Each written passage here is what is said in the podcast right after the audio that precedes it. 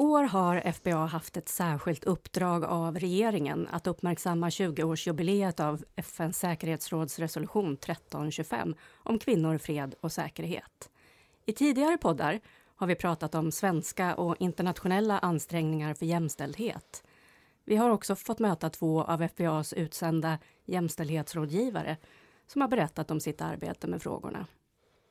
Idag ska vi prata om forskning på området kvinnor, fred och säkerhet. Välkommen till årets sista FBA-podden. Jag heter Katrin Jonsson och jobbar med kommunikation på FBA. Gäster idag är Louise Olsson, senior forskare vid det norska fredsforskningsinstitutet PRIO. Desiree Nilsson, docent i freds och konfliktforskning vid Uppsala universitet. Och FBAs forskningschef Mimmi Söderberg Kovacs. Roligt att ha er med. Tackar. Ni har i dagarna lanserat en serie korta forskningsskrifter för att sammanfatta och kommunicera aktuell forskning om kvinnor, fred och säkerhet på temat Nya insikter för nästa decennium. Och det här är ett samarbete mellan FPA, PRIO och UN Women, FNs jämställdhetsenhet. Mimmi, du har ingått i redaktionsrådet. Vad handlar de här skrifterna om och hur är det tänkt att de ska användas? Ja, men alla briefs har gemensamt att de presenterar och diskuterar vetenskapliga forskningsresultat med relevans för det praktiska arbetet med att implementera de här fred och säkerhetsfrågorna. Och alla behandlar olika specifika frågor inom det här övergripande temat. Allt ifrån villkoren för kvinnor på den informella arbetsmarknaden i Liberia till icke-våldsprotester på olika håll i världen. Och för att det här arbetet ska kunna bedrivas så är det ju viktigt att veta hur det egentligen ser ut i världen. Om vi till exempel ska jobba med att eh, inkludera kvinnor i fredsprocesser, hur ser det ut idag? Och varför ser det ut som det gör på olika håll? Och var ska vi sätta in resurserna? Vad behöver vi tydligare riktlinjer eller lagstiftning eller ett bättre ledarskap kring de här frågorna? Och för det så tycker vi att det är viktigt att man, man vet hur det ser ut och hur man ska kunna jobba bättre. Så exakt hur de ska användas, det beror också på vem som läser de här och på vilket mandat man sitter på och vilka resurser man har att tillgå. En del sitter mer i beslutsfattande ställning och andra arbetar med de här frågorna mer ute på fält i till exempel ett visst utvecklingsland. Hur valde ni ut de här olika ämnena? Ehm, vi har jobbat väldigt länge med den här gruppen forskare och vi är ganska säkra på vilken specifik forskningskompetens de har. Och vi presenterade det här för våra kollegor på UN Women och sa att det här är den kompetensen som vi har. Och de berättade utifrån sitt perspektiv vilka frågor som står på deras agenda just nu. Vad behöver de veta för att kunna gå vidare i sitt praktiska arbete? Och vi försökte mötas med det. Liksom, vad finns det forskning kring och som har relevanta resultat som behöver presenteras? Och vad behöver de som sitter i beslutsfattande ställning eller på andra sätt arbeta med det här praktiskt. Vad behöver de å sin sida? Och så hittar vi en kompromiss däremellan. Och skribenterna ingår i FBAs forskararbetsgrupper. Kan du berätta lite om, om hur de funkar? Ja, men där har tanken varit att eh, för att ha tillgång till den här forskningen hela tiden så har vi försökt att bygga upp ett nätverk av forskare runt om i världen som hela tiden jobbar med de här frågorna. Att vi, när vi behöver i den praktiska världen dra på deras kompetens så kan vi kontakta dem för att se vad är det som pågår nu, vad vet ni? Därför att det är väldigt svårt att annars om man sitter på en organisation som jobbar med de här frågorna, att känna till forskningen och hur den ska tolkas och hur man ska läsa och förstå olika forskningsresultat. Så vi tycker att det är viktigt att jobba liksom mer långsiktigt och strukturellt med att bygga upp de här kontakterna och, och nätverken för att kunna använda dem när det behövs på det sättet som det kanske blir effektivast. Louise, du är en av medredaktörerna för den här skriftserien och dessutom är du en av skribenterna. Du har studerat väpnade konflikter och konfliktlösning ur ett jämställdhetsperspektiv. Du har också följt FNs arbete med jämställdhetsintegrering sedan slutet på 90-talet. Med de här skrifterna så vill ni bidra till att bygga en bro mellan forskning och det arbete som olika aktörer eh, genomför rent praktiskt på plats i konfliktdrabbade länder. Varför är forskningen viktig för det arbete som utförs på marken? Ja, för att understryka det som Mimmi var inne på, att jag tycker man kan tänka på forskning som ett sätt att, eller det är ett sätt att generera ny kunskap utifrån metoder och kriterier som gör det möjligt att bedöma kvaliteten på de resultat som man finner. Eh, alltså hur mycket kan man lita på den här nya kunskapen? Så om man tänker på att det här som en koppling mellan ny kunskap och praktiskt arbete, så tror jag det finns många goda skäl till, eh, till den här kopplingen. Eh, och jag vill lyfta två som jag tror också, eller de låg i botten till varför den här forskargruppen om 1325 bildades för tio år sedan och också till mycket till grunden till Prios arbete om kvinnofred och säkerhet inom våra till exempel GPS-center som vi också driver. Vad är det, GPS-center? Eh, det är ett kvinnofred och säkerhetsfokuserat center som i stor del ut, liksom finansierat av norska UD där vi försöker också koppla forskning och eh, praktik och, och se till att forskningen används i, i praktiken. Det första, om man tänker av de här två skälen då, den första man tänker sig att eh, när 20-årsjubileet närmade sig så efterlyste FN generalsekreterare att, att man ska se över och kanske ibland också faktiskt ompröva de sätt som man arbetar med kvinnofred och säkerhet för att vi ännu mer effektivt ska så att säga, nå de mål som vi har satt upp. Och just nu så utvecklas kunskapen på det här området väldigt, väldigt snabbt och en bidragande orsak till det, det är att man har under de sista åren genererat väldigt mycket mer könsuppdelad statistik och man har också bättre metoder för att samla in material och det gör ju också att vi får en Eh, en, så att säga, ett ännu bättre sätt att testa om det sätt som vi jobbar på är så att säga, effektivt. För det finns, om man tänker det här gamla ordspråket att vägen till helvetet är kantat med goda intentioner, så är det tyvärr också något som ligger eh, på, på ett sånt här område. Så det finns så att säga, en kontinuerligt behov av en dialog mellan forskning och praktik för att fylla den här viktiga rollen mellan hur vi utvecklar arbetet i fält och den nya kunskapen.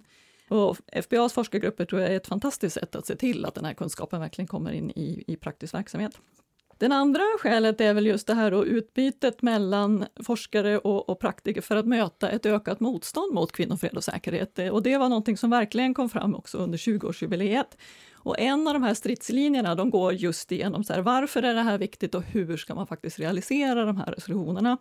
Och här tror jag att forskningen bidrar väldigt, med väldigt viktiga så att säga, argument. Man kan underbygga och stärka så att säga, vikten och argumenterandet för varför det här är viktigt och på vilket sätt eh, man kan, man kan göra det. För att jag tror också att, att, precis som Mimmi var inne på, att man behöver också ibland påvisa faktiskt hur verkligheten ser ut här. Till exempel opererar vi ofta med ganska överförenklade bilder av kvinnors deltagande, där vi verkligen inte har kommit så långt som vi skulle behöva. Så Erika Chenoweth och Sorge Marks forskning i, i brieferna visar ju till exempel att kvinnors bidragande är bidragande till mera framgång, både faktiskt inom våldsanvändande organisationer, men också inom stora massprotester. Eh, så att när män och kvinnor mobiliseras tillsammans så, så får man så att säga en, en ytterligare dimension på, på eh, deltagande och tryck. Men att eh, data från Acled, som är en stor sån databas som samlar in väldigt mycket information, visar också på att, att politiskt våld används i mycket högre grad mot kvinnor än vi kanske har, har tidigare tänkt oss. Så att det finns så att säga en, en behov av att få en fördjupad förståelse för att kunna stärka kvinnors deltagande och förstå vad det egentligen innebär i praktiken. Det sägs ju ibland att risken för väpnad konflikt är lägre i jämställda samhällen och att om kvinnor är med i fredsprocesser så blir freden mer hållbar. Stämmer det? Och vad beror det i sådana fall på? Så som jag tror det, och som, som det drivs forskning om det här, så är det li, två lite, lite olika frågor. Så om vi börjar med, med så att säga, frågan om jämställdhet och risk för, för krig och politiskt våld, som är fokus för två av de här brieferna. Dels den av Elin Bjarnegård, Erik Melander och Jackie True, och den av Jana Krause det är ett, så att säga, ett område som det har forskats länge på, där man verkligen kan se den här fördelen av att vi nu får in mera könsuppdelad statistik och dessutom, det här kommer att låta väldigt nördigt, men längre, längre tidsserier. Och varför är då tidsserier bra? Jo, men det är för att då har vi faktiskt högre, ännu högre kvalitetskrav. Vi kan vara ännu mer säkrare på att de här resultaten kanske håller, att vi inte har lyckats få ett konstigt urval av information.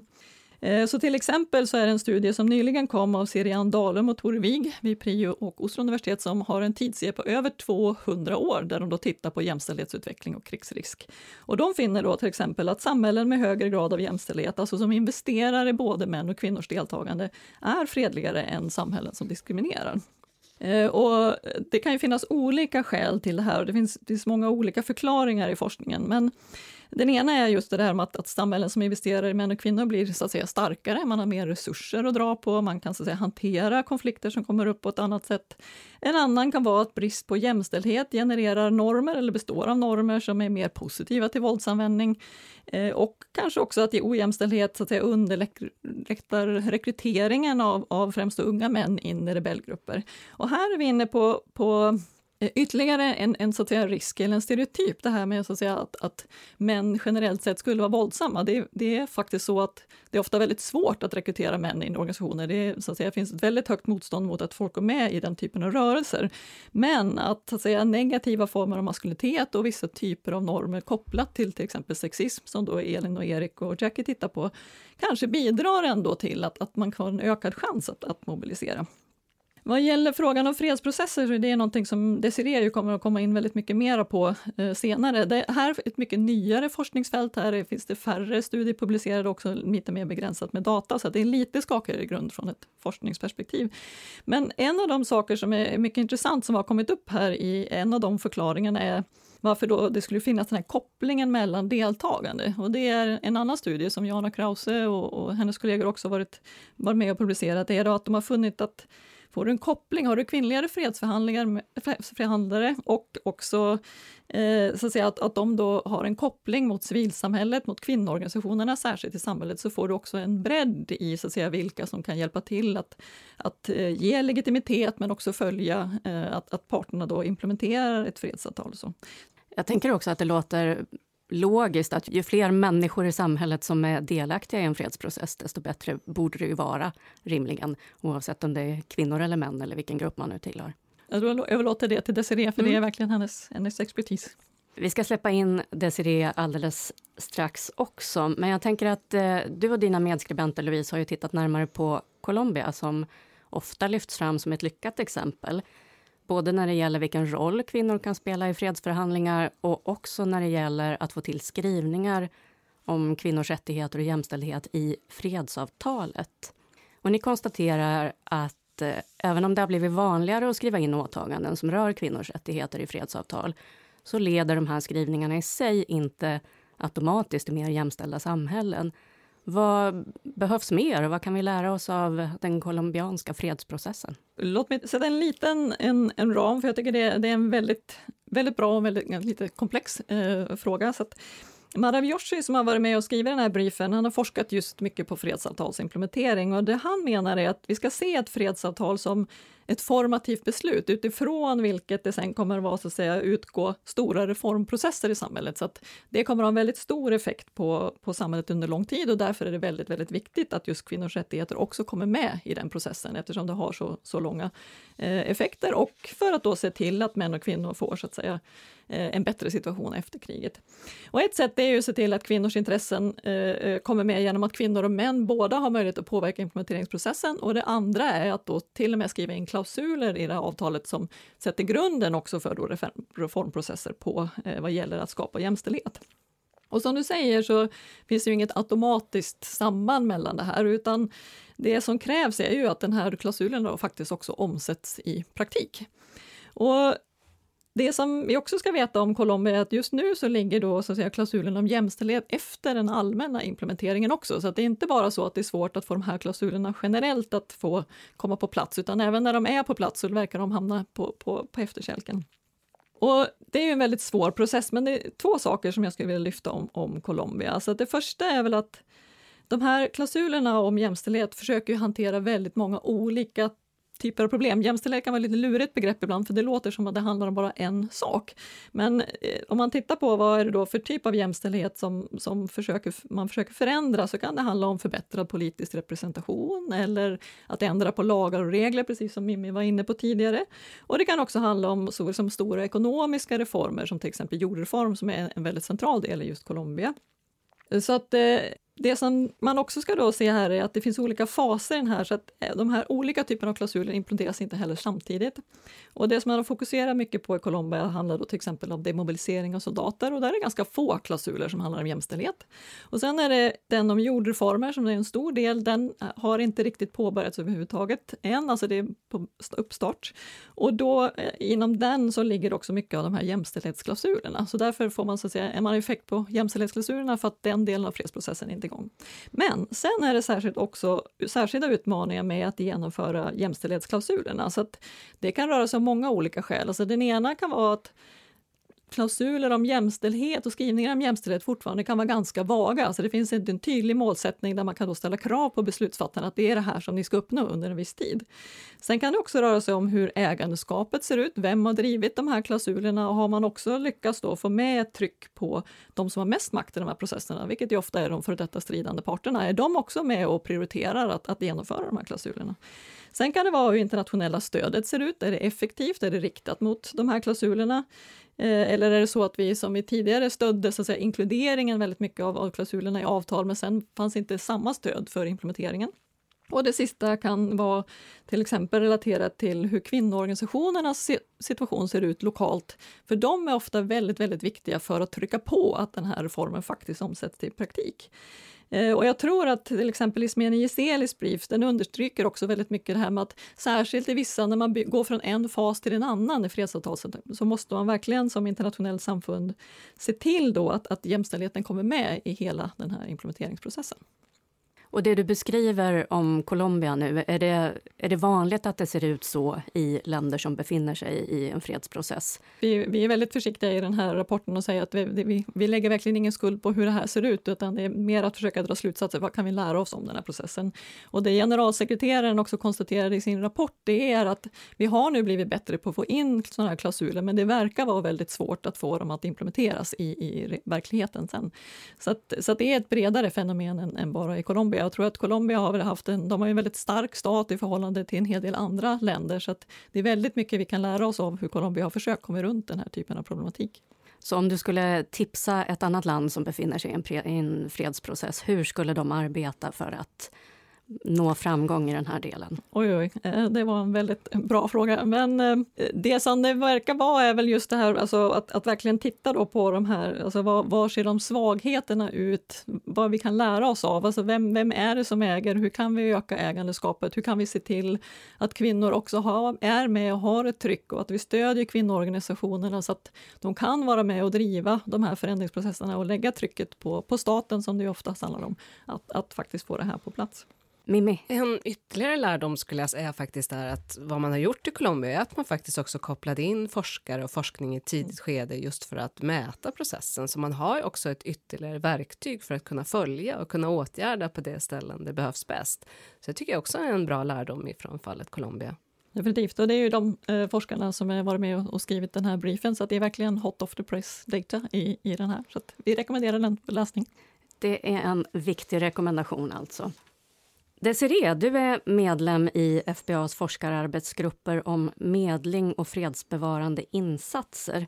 Du har forskat på konfliktlösning i inbördeskrig och leder just nu ett forskningsprojekt som undersöker civilsamhällets roll i arbetet för fred. Tillsammans med din kollega Isak Svensson står du bakom en av de här skrifterna som handlar om kvinnoorganisationer. Kvinnor har ju varit starka aktörer och drivit fredsinitiativ i många länder. Till exempel så var kvinnornas fredliga protester avgörande för att få ett stopp på det blodiga inbördeskriget i Liberia vid millennieskiftet. Och på senare tid har vi sett hur kvinnorna gick i bräschen för protesterna i Sudan genom att kräva förändring. Hur ska vi förstå det, Desiree? Ja, det här är två bra exempel på hur kvinnoorganisationers deltagande via protester och demonstrationer kan bidra till konfliktlösning och fred. Och I Liberia såg vi ett viktigt engagemang från Vipnet, en kvinnoorganisation som ledde de här protesterna för fred. Och det är intressant att de inte bara var pådrivande i att de stridande parterna skulle komma till förhandlingsbordet, vilket ju är en viktig sak i sig, men Senare under fredsprocessen så fanns de också på plats i Accra där fredsförhandlingarna ägde rum, även om de då inte deltog vid förhandlingsbordet. Och under den här processen, när fredsförhandlingarna inte tycktes leda framåt, så fanns kvinnoorganisationen där och spelade en viktig roll i att få fart på fredsförhandlingarna och betona vikten av att nå ett fredsavtal. Eh, vid förhandlingsbordet så fanns ju också en annan kvinnoorganisation representerad och det fanns en rad andra aktörer inom civila samhället som var med vid fredsförhandlingarna. Så jag tänker att överlag kan Liberia ses som ett exempel på en fredsprocess där civila samhället har spelat en viktig roll. Och vi vet också att det här är något som är viktigt om man, om man ser till de generella mönstren. Eh, I min egen forskning på det här området så har jag funnit att om fredsavtal inkluderar civila samhällets aktörer så tenderar freden också att ha bättre utsikter för att, för att bli hållbar. Eh, och bland civila samhället så utgör ju just kvinnoorganisationer en, en viktig aktör.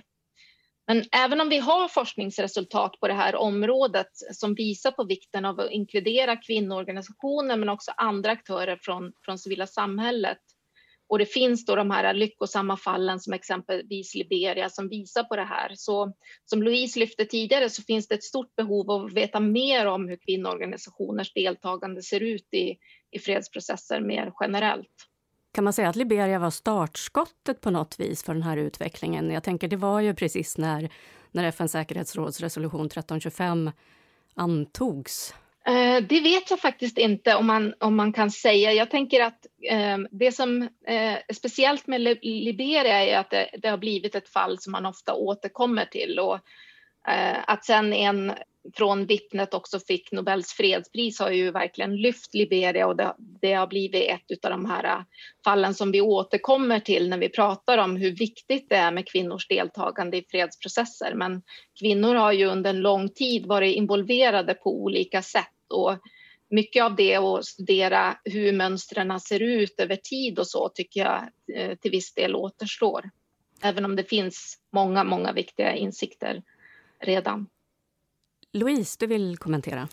Ja, bara för att understryka det som Desirée sa, att, att, sa att det här är en lång process. Det, den kommer, alltså det blir väldigt tydligt Eh, särskilt under eh, UN Decade for Women som är då 1975 till, till 85 och sen uppföljs i, i Peking 95. Att det är kvinnoorganisationer och särskilt från konfliktområden och globala syd som är de som är med och driver de här frågorna. Ibland finns en missuppfattning om att det här rör så att säga, västerländska normer om jämställdhet etc. Men det här är så att säga, praktiska frågor som har drivits av, av kvinnor från konfliktområden under en väldigt lång tidsperiod. Det är ju en jätteviktig poäng. Kvinnors deltagande i fredsprocesser är en nyckelfråga i kvinnor, fred och säkerhetsagendan.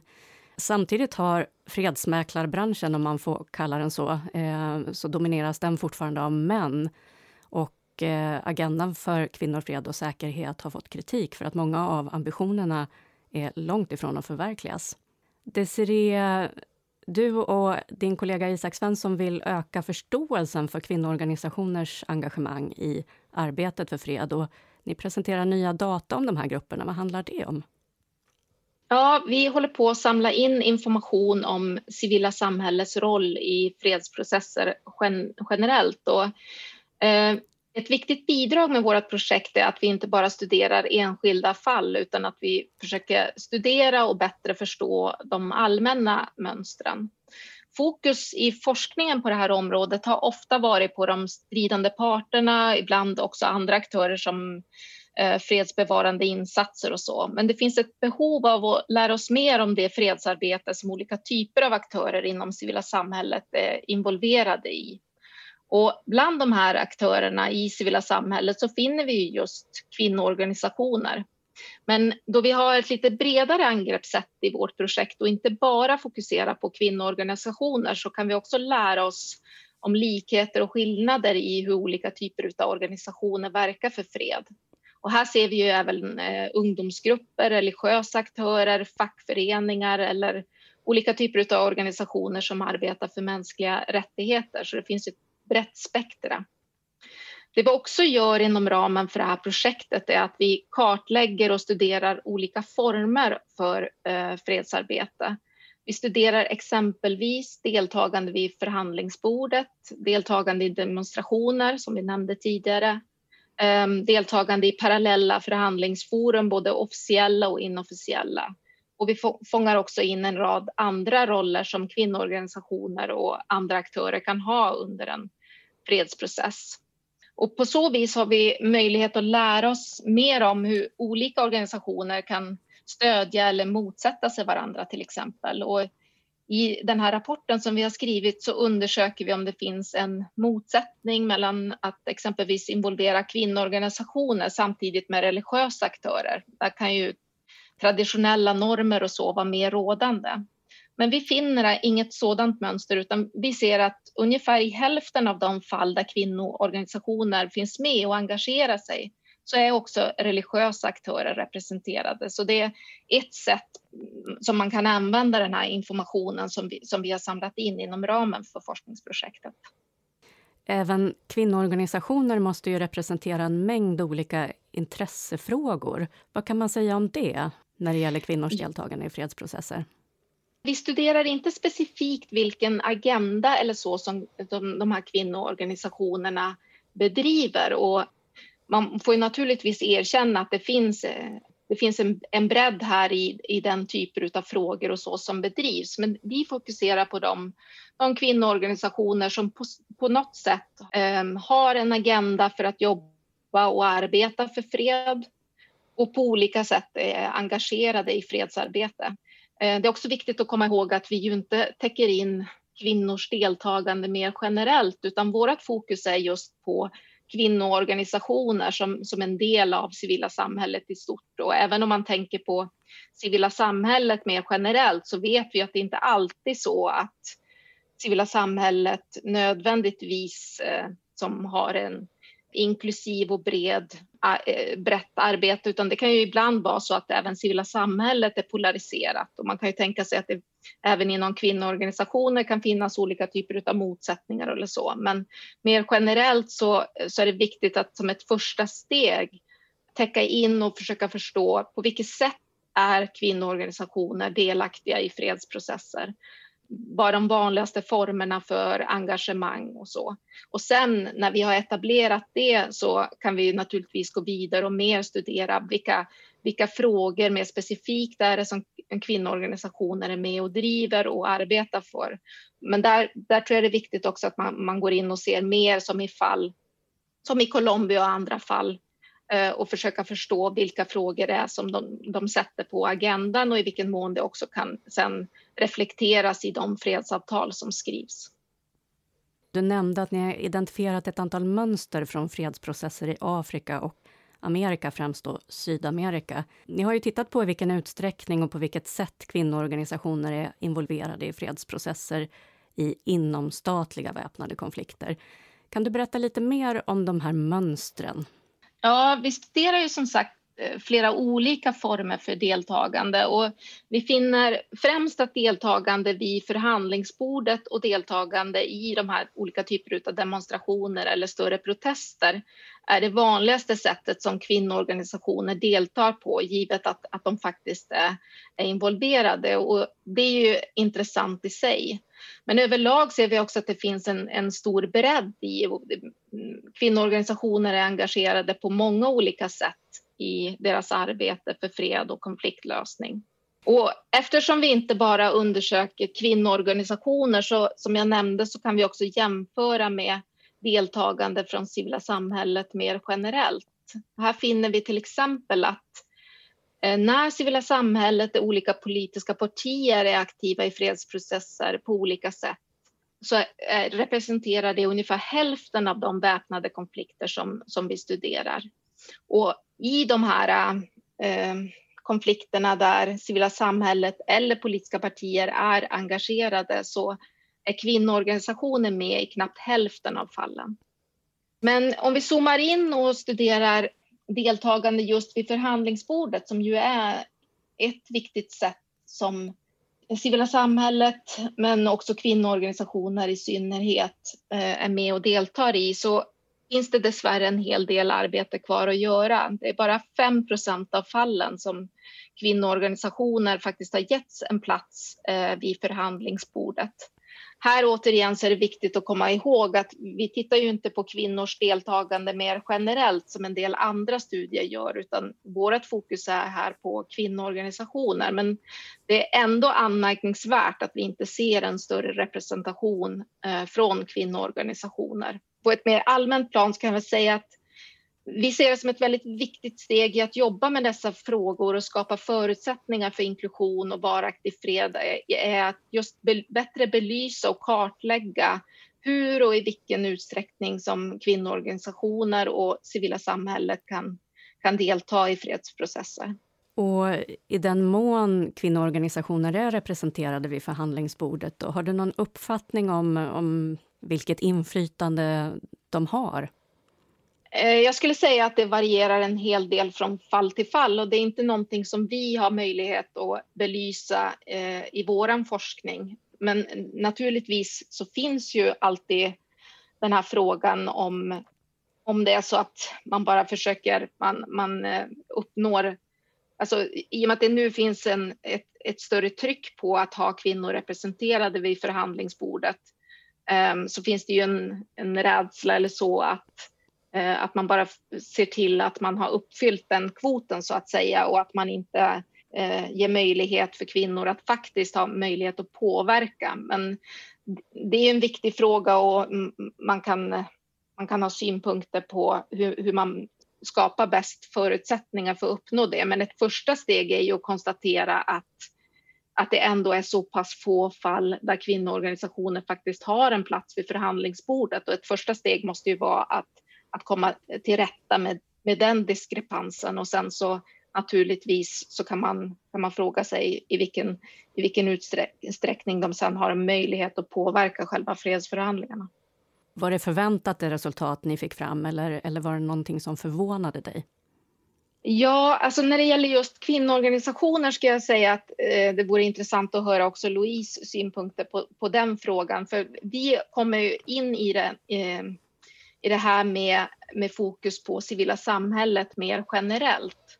Eh, och där skulle jag väl säga att, att jag förväntar mig att de åtminstone finns representerade till viss del i och med att vi, vi finner de här vi har de här resultaten från tidigare studier som visar att i de fall det civila samhället är med så ser vi mer hållbar fred. Så jag hade en förväntan om att vi också skulle se ett stort engagemang från civila samhället, eh, inte bara i fredsförhandlingar men, men, också mer generellt. Men lite förvånansvärt är det ju att, att den siffran eh, endast är 5 procent och man kan ju absolut se att det finns utvecklingspotential. Vad tänker du om det, Louise? Ja, det är väl bara att understryka det som, som Desiree säger. Alltså, anledningen till att 1325 en gång antogs var för att säkerhetsrådet blev övertygade om att man missade en massa resurser och, och, och aktörer i, i fält som kunde hjälpa till att, att, lösa fred och precis som Desiree säger också bidra till att den här freden håller. Och ändå har vi då efter den här 20 åren inte kommit upp över 5 procent. Så det tror jag definitivt är något sånt. Och jag tror också att den här typen av av siffror är, precis som Mimmi var inne på tidigare, väldigt viktiga, att vi faktiskt får svart på vitt. Att, att det är här, det, vi tror nog ibland tror jag att vi har kommit längre på det här området än vi faktiskt har, har gjort. Ja, det känns ju onekligen lite deppigt. Mimmi, du har sagt att det saknas arenor där forskare och praktiker kan mötas. Och därför samlar FBA regelbundet forskare, beslutsfattare och praktiker som arbetar med frågor som rör fred och säkerhet i fält.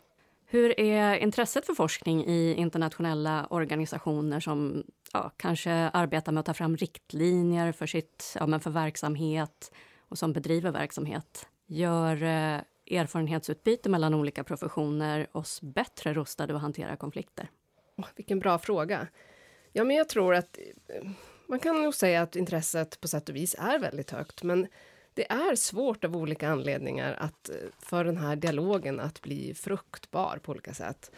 Dels är det så att vi använder delvis olika språkbruk, att vi inte liksom är med i sammanhang och vi, vi eh, behandlar de här frågorna utifrån lite olika perspektiv och i olika tidpunkter.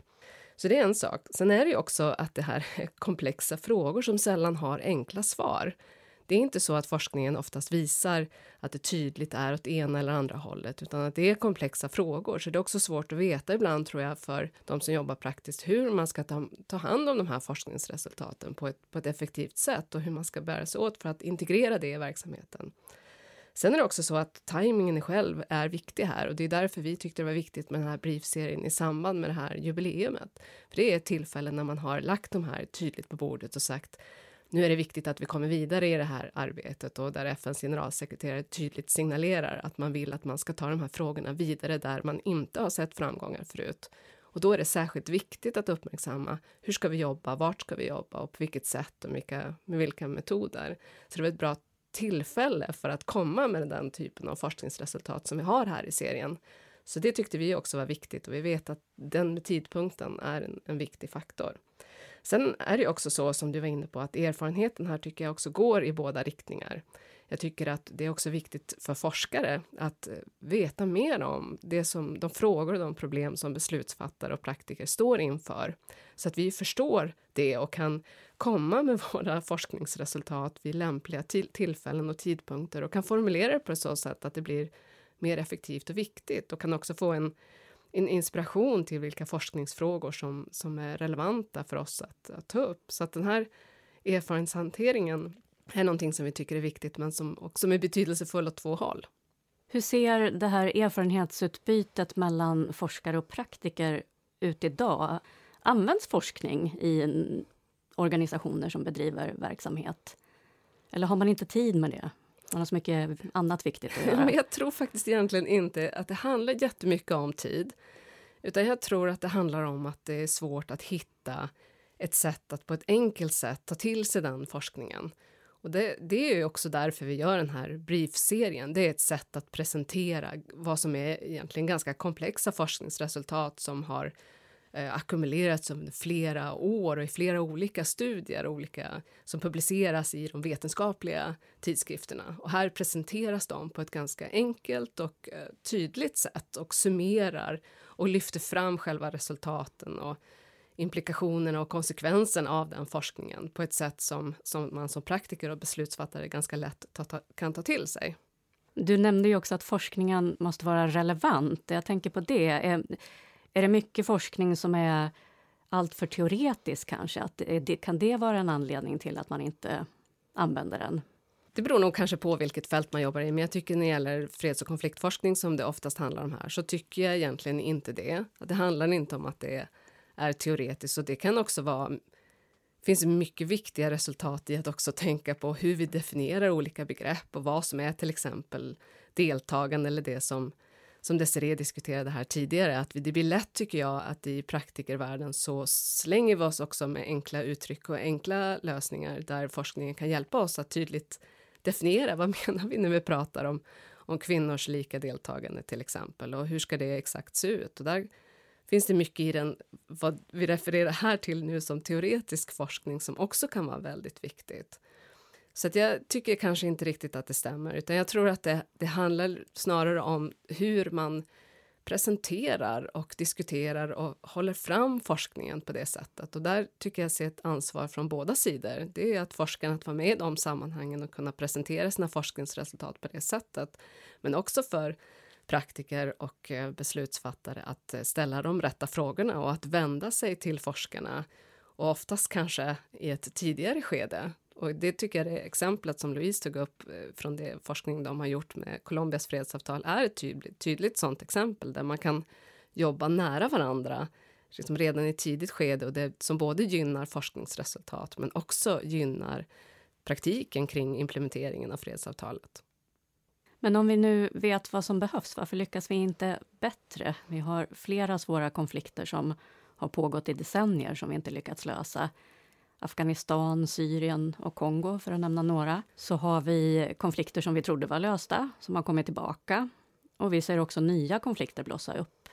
För precis ett år sedan fick Etiopiens premiärminister Abiy Ahmed Nobels freds, fredspris. Och nu rasar inbördeskrig i landet. Hur mycket kunskap behöver vi egentligen, eller är det något annat som saknas? Det var ju en jättebra fråga. Jag tror att på ungefär samma sätt som vi, vi vet ganska mycket om vad vi behöver för att till exempel eh, påverka klimatkrisen eller vår egen hälsa eller så, så är det mycket mer komplicerat än det. Och jag skulle vilja framhålla tre saker. För det första, och som Louise var inne på tidigare, så är det inte så att vi alltid är eniga om exakt hur det ser ut när det gäller de här frågorna. Man är inte, hur ser det ut bara med en sån fråga som de vi har diskuterat idag kring kvinnors deltagande i fredsprocesser och vad har det för effekter och konsekvenser? Inte ens i den frågan så är vi alltid helt eniga. Och därför så är det ju viktigt att i den här världen av så kallad alternativ fakta att vi har tillgång till evidens i den mån det finns och vetenskapliga bevis och försöker sprida det för att få en enig bild också om hur det ser ut i världen. Men det andra är ju förstås i den här frågan, precis som i många andra frågor, att det står också andra intressen eh, på spel och för att det handlar också om frågor om makt och inflytande. Och där man vinner mark så är det oftast så att andra kanske uppfattar det att, att man förlorar makt eller inflytande på andra sätt. Så det är ju svåra och komplexa frågor. Och sen slutligen så skulle jag vilja säga också att verkligheten förändras ju också hela tiden när det gäller konflikter och konfliktfrågor. Och Louise pratade tidigare till exempel om att vi har sett ett motstånd under senare tid. Nu har vi haft fyra år med president Trump vid makten till exempel. Vi har också haft framväxten av många auktoritära ledare runt om i världen. Så det är också hela tiden nya problem och utmaningar.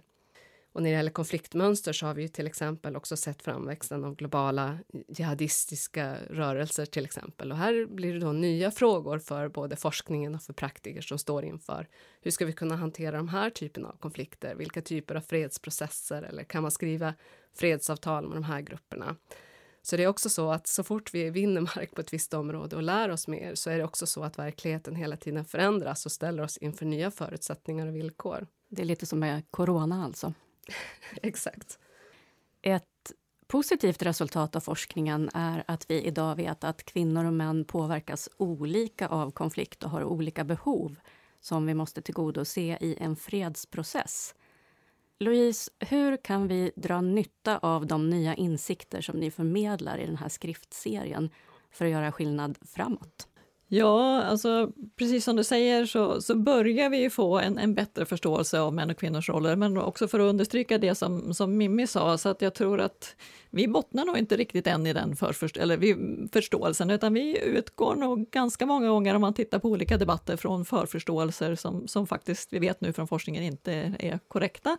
Eller i alla fall att, att det är en väldigt mycket mer så att säga, komplex situation. Och dels rör det precis exakt det här som, som Desiree har varit inne på, alltså vad innebär kvinnors deltagande också, att vi har den här bredden, att vi kan se att ganska många, till exempel 30 procent av eh, olika rörelser i, i subsaharan eh, Afrika har liksom till exempel då haft kvinnliga eh, stridande, de rekryterar kvinnor i stridande positioner. Vi har också så att säga, en väldigt högre grad av kvinnors deltagande i fredsprocesser. Hur ska vi få ihop den här komplexa bilden? Den andra stereotypen som vi behöver knäcka, det är ju den här stereotypa bilden av så att säga mäns förhållande till våld. Att, att precis som Elin Bjarnegård brukar påpeka, det är en väldigt, väldigt liten minoritet av män som är involverade i krig och som, som är så att säga våldsamma utan här opererar vi snarare med så att säga, olika former av maskulinitetsbilder och, och hur de manipuleras för till exempel mobilisering som vi också behöver ha en bättre förståelse av. Så att eh, man ska liksom inte köpa de här olika propagandabilderna utan stereotyperna. Så jag tror att till exempel, om vi då ska vara inne på just den här komplexiteten, så finns det ju en annan eh, förenkling som oftast gör inom kvinnofred och säkerhet och det är att man ställer skydd och deltagande mot varandra. Eh, och jag tror att i våran brief, det vi försöker lyfta är till exempel då det här med att kvinnor har spelat en otroligt viktig del i implementeringen av fredsavtalet som rör att försöka få, så att säga, få bort den här eh, produktionen av illegala eh, varor och att man går över till mer reguljärt jordbruk. Så kvinnor har spelat en väldigt stor del i de statsprogrammen, men det har också gjort då att man utsätter sig för en väldigt stor risk. Eh, och dels har vi haft en ganska dålig förståelse av hur vi då ska hjälpa till att öka skyddet för kvinnorna, men också att vi då låter bli att stereotypa kvinnor som, som offer. De här är väldigt starka aktörer uppenbarligen och de har också byggt egna system för sitt eget skydd och för att skydda sina samhällen. Så vårt arbete med skydd måste naturligtvis då också bygga på deras kunskap och kompetens, så att vi inte ställer de här så att säga, mot varandra. Ska vi utgå från deltagande och ta kvinnors aktörskap på allvar så måste vi ha den här komplexa bilden. Så det jag hoppas väl är att den här briefserien ska bidra till den här djupade, fördjupade förståelsen. Och att vi också ska säga, säga, gå från de här övergripande temana. Jag har ett projekt nu med Angela Mumba Sällström och Patty Chang där vi verkligen försöker titta på just det här med språk med jämställdhet. Och, och, hur jobbar man med det inom olika fält för att, så att säga, komma till rätta med de olika typer av problem med jämställdhet som vi rör oss mot. Att vi då går från så att säga, övergripande eh, teman till effektivt arbete. Och att generalsekreteraren summerar det här väldigt fint är någonting som jag försökte få in i ganska många brieferna, där vi säger att vi ska röra oss från eh, rhetorics to effective action, som han vill. Att vi nu går vi från att vi pratar om det här till att vi faktiskt genomför det. Och för att göra det så tror jag att vi behöver mer och mer och bättre data och avancerade analyser och vi behöver, precis som vi också lyfter i brieferna, brieferna en, en väldigt god, så att säga, kvalitativa studier som ger kontext och förståelse av olika fall. Så den här kombinationen är verkligen oslagbar för att vi ska kunna bygga kompetens. Så jag tyckte det var otroligt lärorikt att vara med och göra den här serien tillsammans med UN Women och med FBA, så jag hoppas verkligen att många av de som lyssnar nu kommer att läsa den här serien. Vill du lägga till någonting, Desiree? jag tycker att det arbete som FBA gör med att försöka brygga forskning och policy har varit väldigt viktigt för oss som forskare. Att man är inte tränad alltid att kommunicera sina resultat för andra utanför forskningsvärlden. Och jag har lärt mig oerhört mycket genom att delta i, i de olika sammanhang som, som FBA är med och arrangerar och så. Att man blir bättre på att kommunicera forskningsresultat och förstå det sätt som, som man bättre kan nå ut med, med den forskning som, som vi ändå gör. Så. Som forskare, önskar man sig fler beställningar, liksom, beställningsjobb från FN och EU och de här stora organisationerna mm. som bedriver fredsinsatser? Det man vill göra är ju ändå att försöka nå ut med den forskning som bedrivs. Freds och konfliktforskning det är ju direkt policyrelevant i mångt och mycket och jag tycker att vi, vi har ju ändå en uppgift att försöka nå ut med de forskningsresultat som vi kommer fram till och att eh, ha en organisation som är med och stöttar och hjälper till för att man ska kunna göra det på ett, på ett sätt så, så att det också är hjälpsamt för de som jobbar med de här frågorna. Det tycker jag känns viktigt. FBA har eh, forskararbetsgrupper på andra områden också inom fred och säkerhet. Planerar ni att göra fler serier på andra teman, Mimi? Ja, men vi hoppas ju det. Vi får väl se hur den här serien tas emot, om den blir användbar bland de som vi har tänkt oss. Men vi hoppas ju kunna fortsätta och kunna jobba på det här sättet. Ett område till exempel där vi har tänkt inför nästa år är ju eh, när det gäller avväpning och återintegrering av kombatanter i väpnade konflikter. Det här är ju ett, ett område som FBA jobbar mycket med och som de senaste åren har varit särskilt prioriterat inom eh, FN-systemet därför att man har sett över de riktlinjer som finns. Och där har FBA också varit jobbat tillsammans med FN för att uppdatera policy och guidelines på det området. Och där har FN vänt sig till oss specifikt för att se hur kan vi använda forskningsresultat i när de här nya riktlinjerna som man eh, har slagit fast, när de ska omsättas i praktiken ute i fältmissioner och eh, med, i samarbete med olika väpnade grupper. Och där har vi också många forskare som jobbar specifikt med de frågorna kring väpnade grupper och deras transitionen ifrån väpnad konflikt in i fredsprocesser och till fredsbyggande. Så där hoppas vi att vi kan fortsätta jobba på det här sättet. Och där har man väl också satsat på att jobba in just ett jämställdhetsperspektiv i de nya riktlinjerna, vad jag förstår. Exakt. Och så är det ju oftast att de här frågorna är överlappande. Och på det skulle jag också vilja lägga till att många av de här forskarna som vi har i, i vårt nätverk så är det inte så att man bara jobbar med en specifik fråga, utan det är ju överlappande. Och de flesta forskare som vi har i vårt nätverk är ju sådana som jobbar med flera delar av det som ingår i freds och säkerhetsagendan. Och det är ju det som vi tycker är viktigt också när det gäller kvinnor, fred och säkerhet, att det inte är en specifik särfråga, utan det är ju någonting som är genomgående i många av de andra områdena också. Och så måste det få vara. Och det, det vill vi särskilt stödja och uppmuntra, den typen av både forskning och den typen av praktik. Kvinnofred och säkerhetsområdet rör ju så fruktansvärt många olika former av, av frågor och det är väldigt, väldigt viktigt att forskningsteorier och kunskaper, precis som Desiree och Isaks studie är ett, ett väldigt, väldigt bra exempel på att de befruktar varann, att man, här, man, man lär sig om hur kvinnoorganisationernas roll ser ut i förhållande till andra liknande grupper och vad kan vi lära oss och vad är, vad är skillnader och likheter. Det är otroligt viktigt att vi får in det i så att säga, huvudfåran av forskningen på det sättet. Det var allt för den här gången. Vi önskar en god fortsättning. Följ gärna vårt arbete på fba.se och i sociala medier.